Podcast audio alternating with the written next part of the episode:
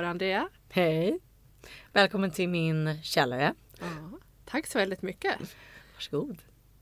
Det är ju ett väldigt speciellt avsnitt idag. Första gången som det bara är du och jag Mm. som sänder tillsammans. Och dock första gången det är Only Ladies Ja, i Alkispodden. I Alkispoddens historia. Ja. Så 174 avsnittet. Wow. Så vi får se vad det blir. Kommer Ja. det att vara annorlunda för att vi är två tjejer som snackar eller för att det är Andrea och Anna som snackar eller är det samma fyllesnack som det brukar vara? We shall see. Verkligen. Gud vad roligt att du påminner om det. För att för mig är det en jätteviktig del av varför jag ens har någonting med Alkispodden att göra. Enda skälet typ till att jag mejlade Johan och Roger för några år sedan eh, och sa hej hej, jag kan vara med i er podd var ju inte för att jag tänkte nu ska jag bli kändis inom alkisvärlden eller nykterhetsvärlden. liksom, det var ju bara för att jag tänkte att shit vad viktigt det är att nyansera bilden av vilka som är alkoholister.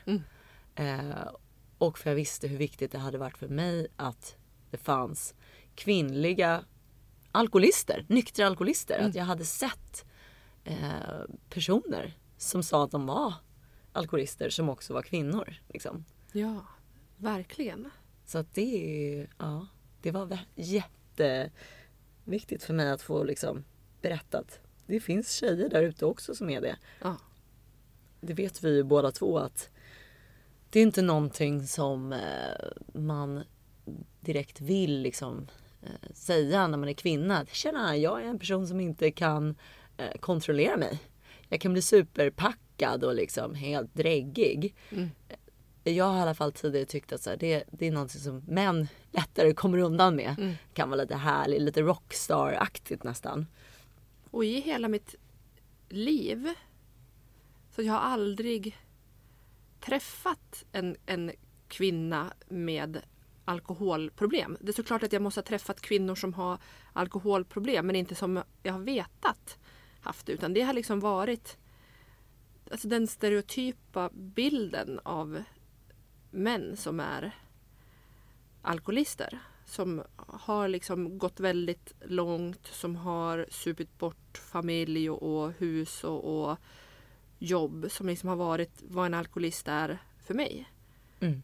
Så att under hela min eh, karriär som aktiv alkis så var jag ju totalt omedveten om att jag var det. Och det fanns inte ens en, eh, alltså en medveten förnekelse i det. För att det existerade inte. Intressant. Alltså det fanns inte ens i din i ditt huvud att du kanske kunde vara alkoholist. Liksom. Nej, Nej. Vad häftigt.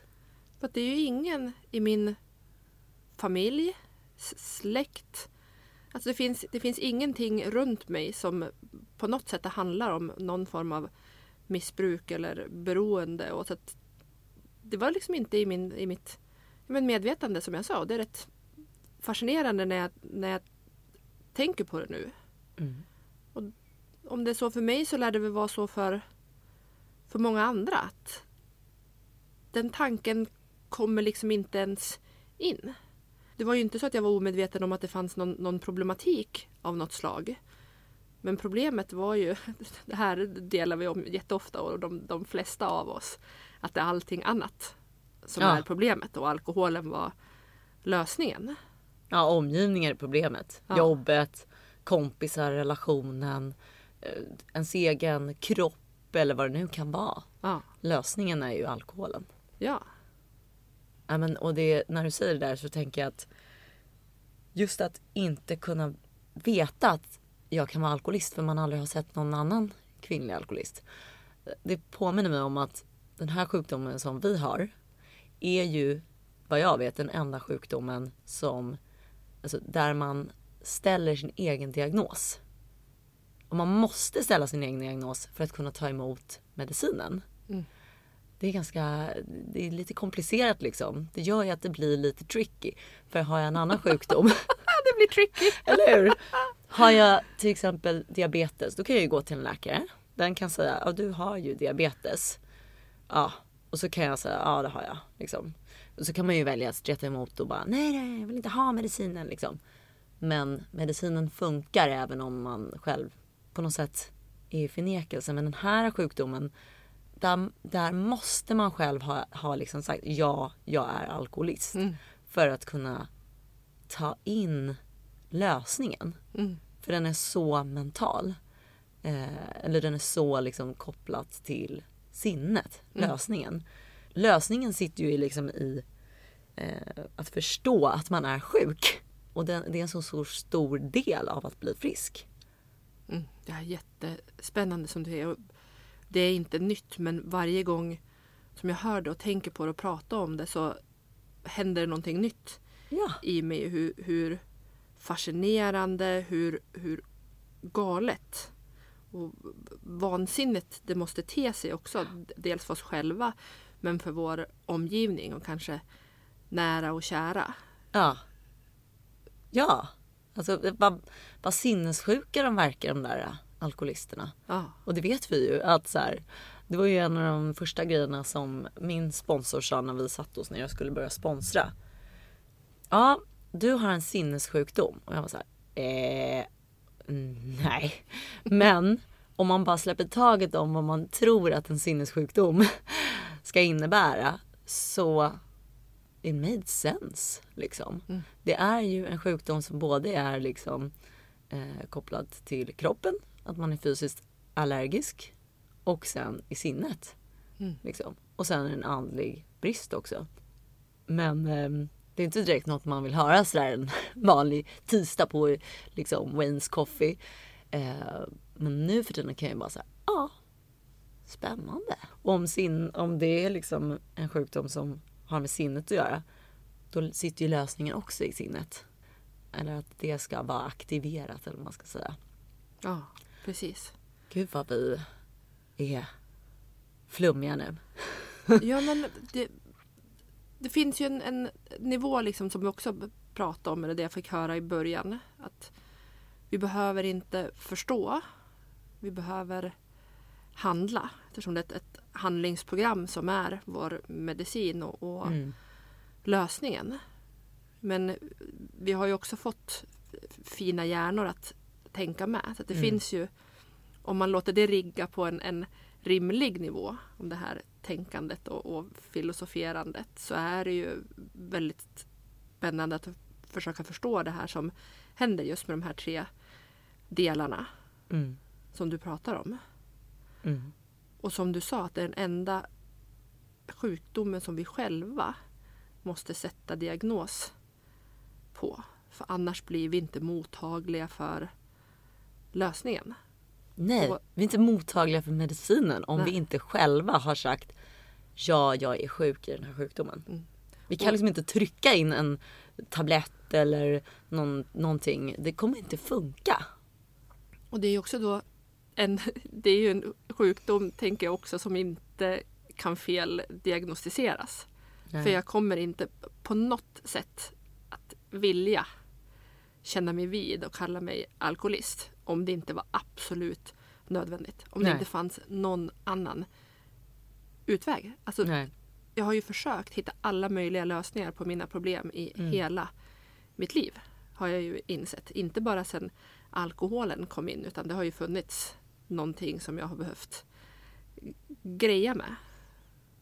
Som har varit en, en olika eh, intressanta problematiker. Ja, jag är övergripande för den här sjukdomen är ju beroendesjukdomen. Mm. Där kan det ju vara att man är beroende av egentligen vad som helst. Vårat utlopp har ju varit alkohol. Mm. Eh, jag vet ju att jag också är sockerberoende människa. Eh, jag har ju varit beroende av träning. Mm. Alltså på en sån här sjuk nivå. Jag har varit beroende av jobb. För att känna att jag är värdefull och känner att jag har ett syfte. Mm. Eh, jag har varit beroende av att kontrollera min mat. Alltså att äta lite. Och på något sätt så har det faktiskt varit som att när jag började med stegarbetet och tog hjälp för alkoholproblemet.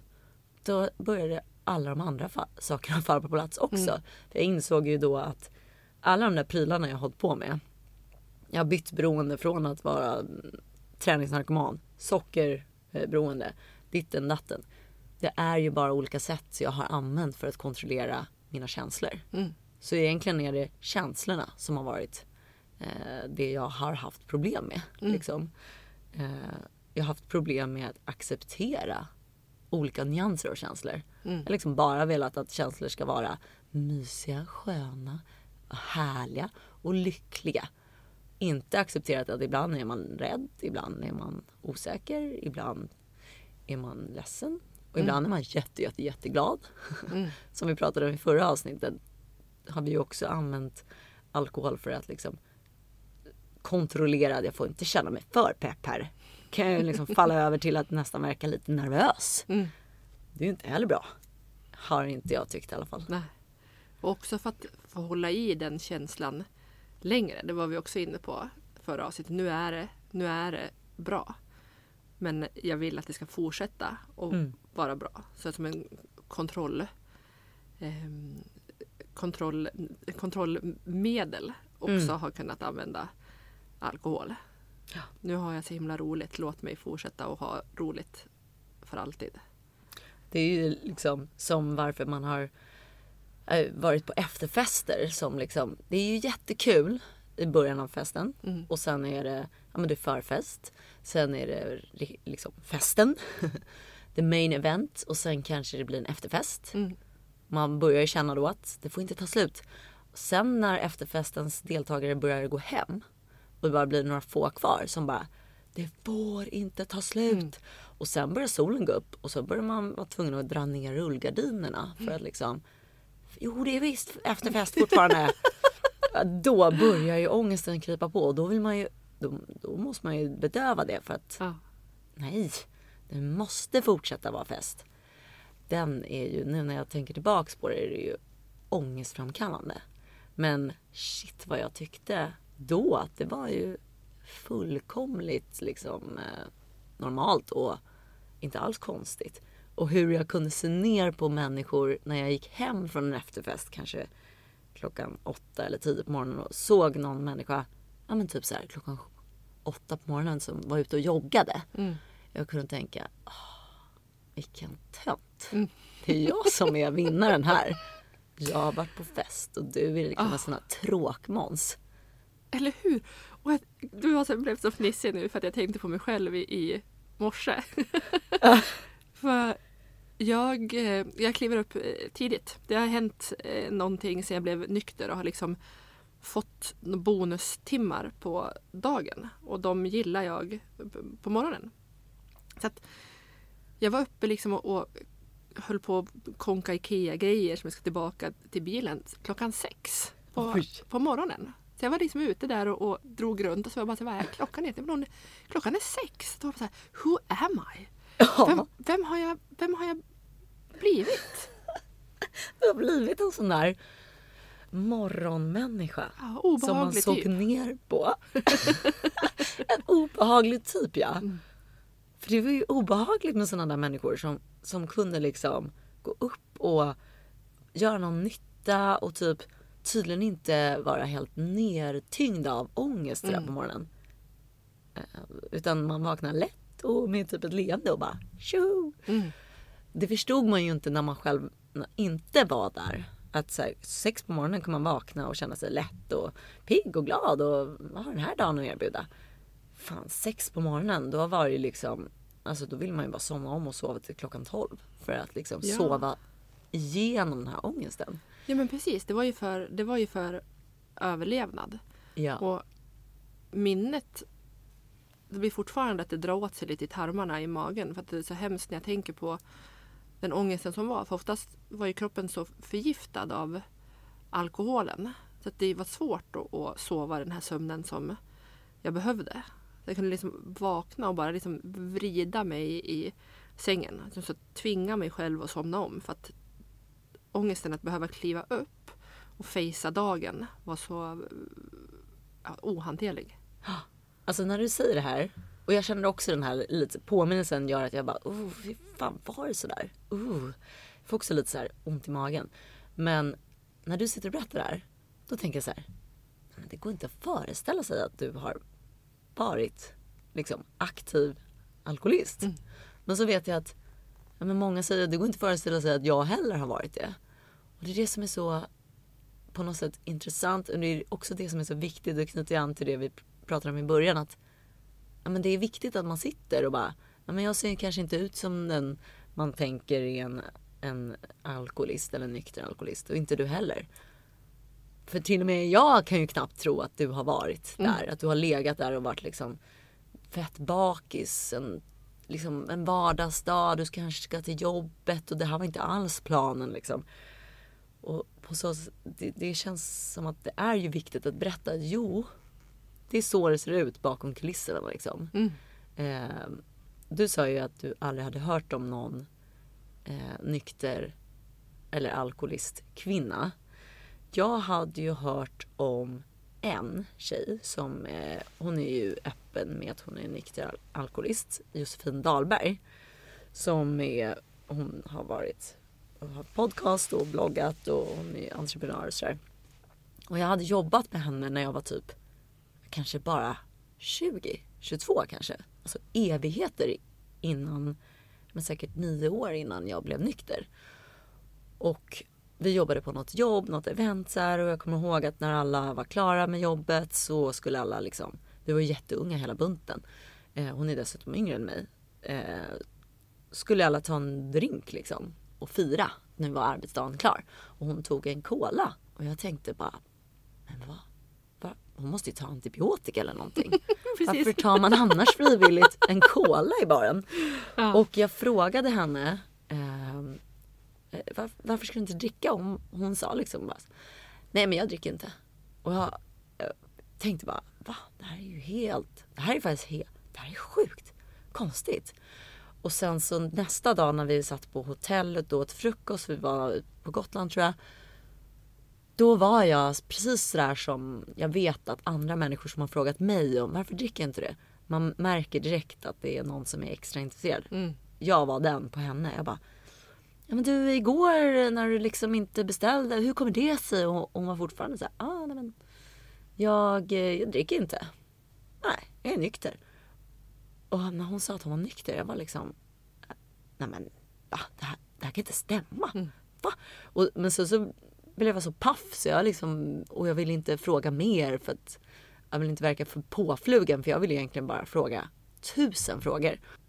Men det där satt ju kvar i mitt huvud tio år senare när jag själv kom till, liksom började komma till faktiskt insikten att, ja men alltså, jag är nog alkoholist. Då var det så jäkla viktigt att veta att det, det kan jag faktiskt vara. För jag har träffat en tjej tidigare som är nykter. Hon sa ju typ så här. Ja men jag har, jag kan inte hantera, jag kunde inte hantera alkohol så jag var tvungen att sluta. Typ det hade hon sagt. Och det var så, det var som en nyckel som liksom hade öppnat vägen eller dörren till att det finns en annan värld. Där man kan vara nykter. Det låter kanske knäppt för människor som inte har känt den där kidnappningen av alkohol. Det, det låter ju så här, men vad fasen, det är väl bara att inse att man är alkoholist och sen får man sluta. Ja. Men för en alkoholist som är aktiv, då känns det liksom som att, men vadå? Alkohol är ju det viktigaste jag har i livet. Det är det som får mig att vara social. Det är det som får mig att orka jobba, att orka ha relationer. Även om man inte vill vara full hela tiden så bara vetskapen att jag någon gång i veckan kommer få min medicin Ja. gör att man, man klarar nästan allting. Tills man då inte klarar längre. Men precis. Och det var ju det som vi pratade om förra avsnittet också, att använda eh, alkohol som eh, bränsle. Mm. Det är det som är så um, lurigt med det här. Att bränslet vi har använt för att fungera det gör också att vi rostar. Som, som du har sagt. Ja. Jäkligt fort. Liksom. Ja. Ju mer bränsle man trycker i sig desto mer rostar man. Ja, men det här med att ha en kvinnlig förebild som är nykter. Ja, det var ju viktigt för mig där med Josefin. Sen så googlade jag också människor som var nyktra. Mm. Då kom det ju upp liksom Hollywood celebrities som var nyktra. Och det gjorde du, det gjorde du innan du eh, bad om hjälp? Ja, jag hade gjort det lite innan jag bad om hjälp. Ja. Även månaden när jag hade bett om, eller snarare jag hade inte bett om hjälp. Jag hade varit nykter på vita knogar själv. Ja, Då ja. höll jag också på och googlade så här. Ja, men, kan man verkligen fortsätta leva ett, ett liv utan alkohol? Mm. Vad händer med en då? Och så kom det upp liksom olika. Vad heter hon? Will Smiths fru, Mm. tror jag. och och ehm, ja, men det finns ju ett gäng kändisar. Det var mest män faktiskt. Typ en, Bradley Cooper och Brad Ja. Pitt liksom. Och de där. Man bara yes! Nu finns det ju kvinnor. Jag tänker på Hanna Hellquist och hon, heter hon Rebecca Åhlund har ju skrivit en jättebra eh, Mm. bok också. Så att, men när jag blev nykter efter jag hade börjat jobba i tolvstegs, i tolvstegen så har jag läst jättemycket och det har betytt jättemycket för mig att ha kvinnor, precis som du säger, som visar på hur man lever ett, ett eh, väldigt gott Mm. nyktert liv. För att det handlar ju inte bara om, och det har vi sagt många gånger också, att det handlar inte bara om att sluta dricka. Alltså, det- är ju inte grejen. Men vi måste ta det första steget att sluta dricka för att vi ska kunna börja hantera eh, livet. Ja. Och allt fantastiskt som finns där i. Och svårigheter och sorger och, och glädje och vad det nu är för någonting. Mm. Och då, då behöver vi höra på andra som har, har gått för och som kanske har någonting som vi gillar eller lever en typ av livet som vi tycker om. Eller alla små möjliga ingredienser som jag plockar från olika, eh, både Mm. kvinnor och, och män. som man kan se upp till på något sätt. Att Mm. ha som en vision. Alltså det hörde jag i någon podcast eller något att, att gå på möten är som att liksom få eh, levande små vision boards Mhm. runt omkring sig. Mm. För att det finns ju någonting man kan göra, vision board, sätta upp liksom massa olika foton på ett papper för att liksom göra en målbild. Så här vill jag ha livet. Så kan man titta på den varje dag. Och eh, det kan man väl göra inom liv eller karriär eller vad det är. Relationer. Och jag tycker det var så gulligt att när vi går på möten då ser andra som är nyktra som har längre tid. Mm. Det blir som levande små vision boards. Ja, Så här, det, det går ju faktiskt liksom. för de, de grejer som jag får, för det, det är många som jag träffar på möten och som jag träffat flera gånger och som, som, precis som känner att här kan, jag tror att den här personen kan sitta på, på någon, någon lösning som jag behöver. Och då brukar jag ställa frågor och det är ju rätt men det är väldigt stora frågor men som det finns utrymme för att ställa i, i gemenskapen. Mm. Så jag satte mig bredvid en, en, en eh, kär vän där. och sa, Hur, hur släpper du taget som? Så frågade jag någon annan gång så här, hur gör du med att dra gränser till eh, vänner? Och så får man några minuters glimt in i hur den personen har hanterat det. Till Mm. min vision board då. Jaha, okej. Du har gjort så. Resonerar det med mig eller eh, tänker inte det? Vad kan jag plocka ut ifrån det här? Och så får man liksom massa fina ledtrådar och, och eh, puttar på vägen framåt. Alltså verkligen. Det, det jag har haft mycket i mitt huvud senaste året sedan jag blev mamma och fick eh, två bebisar är ju att jag tänkt en hel del på kommer de också ha den här beroendegenen? Mm. Hur kommer det att bli? Nu är de liksom, de precis fyllt ett. Jag håller redan på i huvudet och spekulerar hur det kommer bli när de är 16, 18. liksom. Ja men det är ju eh, rätt onödigt att lägga tid och energi på. Mm. Men det kan jag ändå ägna mig åt. Eller har ägnat mig åt. Eh, oroa mig, tänka Åh, hur kommer det bli? Kommer jag behöva hämta dem? Kommer de ens säga till mig om de dricker sig fulla? Kommer de våga? Ja, man har hållit på och oroat mig liksom. Och det är ju det som bland annat jag och du har varit experter på. Att ägna otroligt mycket energi åt att oroa oss. Mm. Eh, och så var jag på ett möte, träffade en sån här levande vision board människa. En glad prick. Jag kommer inte ens ihåg vem det var. Men jag bara frågade, jo en, en kille som, eh, han har också barn. Och så frågade jag, men hur gör du för att inte hålla på och oroa dig för om dina barn ska bli alkoholister i framtiden eller missbruka droger eller någonting. Och han bara, ja, jag tänker så här. Istället för att gå runt hemma och praktisera oro så går jag runt hemma och praktiserar kärlek. Och jag tror det är typ det enda jag kan göra. Så får man bara släppa taget. Och det låter kanske liksom flummigt men det var så skönt. Mm. Att istället för att gå runt hemma och oroa mig, skicka ut liksom eh, dåliga vibes. Mm. Så ska jag bara vända på det och skicka ut kärlek. För det är ju liksom det är det enda jag kan. Resten får vi se vad som händer liksom. Ja.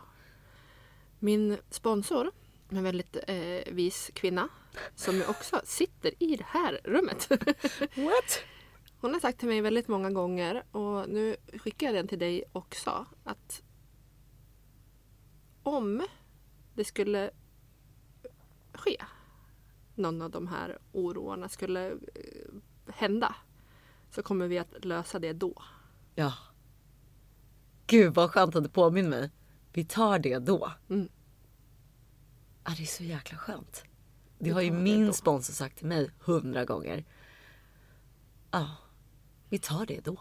Då tackar vi henne och så tackar vi eh, alla kvinnor som har gått före och visat vägen som vi kan få plocka godbitar från till att få leva ett, ett gott nyktert liv. Vad tänker du avslutningsvis Andrea? Jag tänker att det är så himla härligt att man tidigare har jag har tidigare försökt dölja den delen av mig som är eh, alkoholistdelen. Mm. För att det, inte, det är ingenting som passar ihop med att vara kvinna. Eh, och då, då har inte mitt liv, eller jag som person, made sense. Liksom. Jag har inte riktigt varit en tydlig människa för mig själv eller för andra. Liksom. Och så fort jag accepterade den delen i mig och började liksom istället jobba med det och eh, se vad, vad kan det här till och med innebära för superkrafter. Mm. Liksom.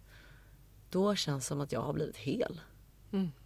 Och att det här kan visst vara en del av min kvinnlighet till och med. Liksom. I- Eh, jag får ju chans att faktiskt verkligen utforska mig själv, utforska min sårbarhet, utforska ja, men hur det är att släppa taget. Liksom. Och det känns som att jag i alla fall har blomstrat i att våga vara alltså, kvinna. Liksom. Det tänker jag på. Vad fint. Um, tack för det här um, avsnittet och tack alla ni som lyssnar. Eh, ni betyder jättemycket för eh, oss. Och ni får jättegärna hojta till ifall det är något särskilt som ni tänker eller vill dela eller fråga om. Och så önskar vi er en trevlig fredag och helg och så hörs vi igen snart. Tack för idag! Tack för idag. Hej då.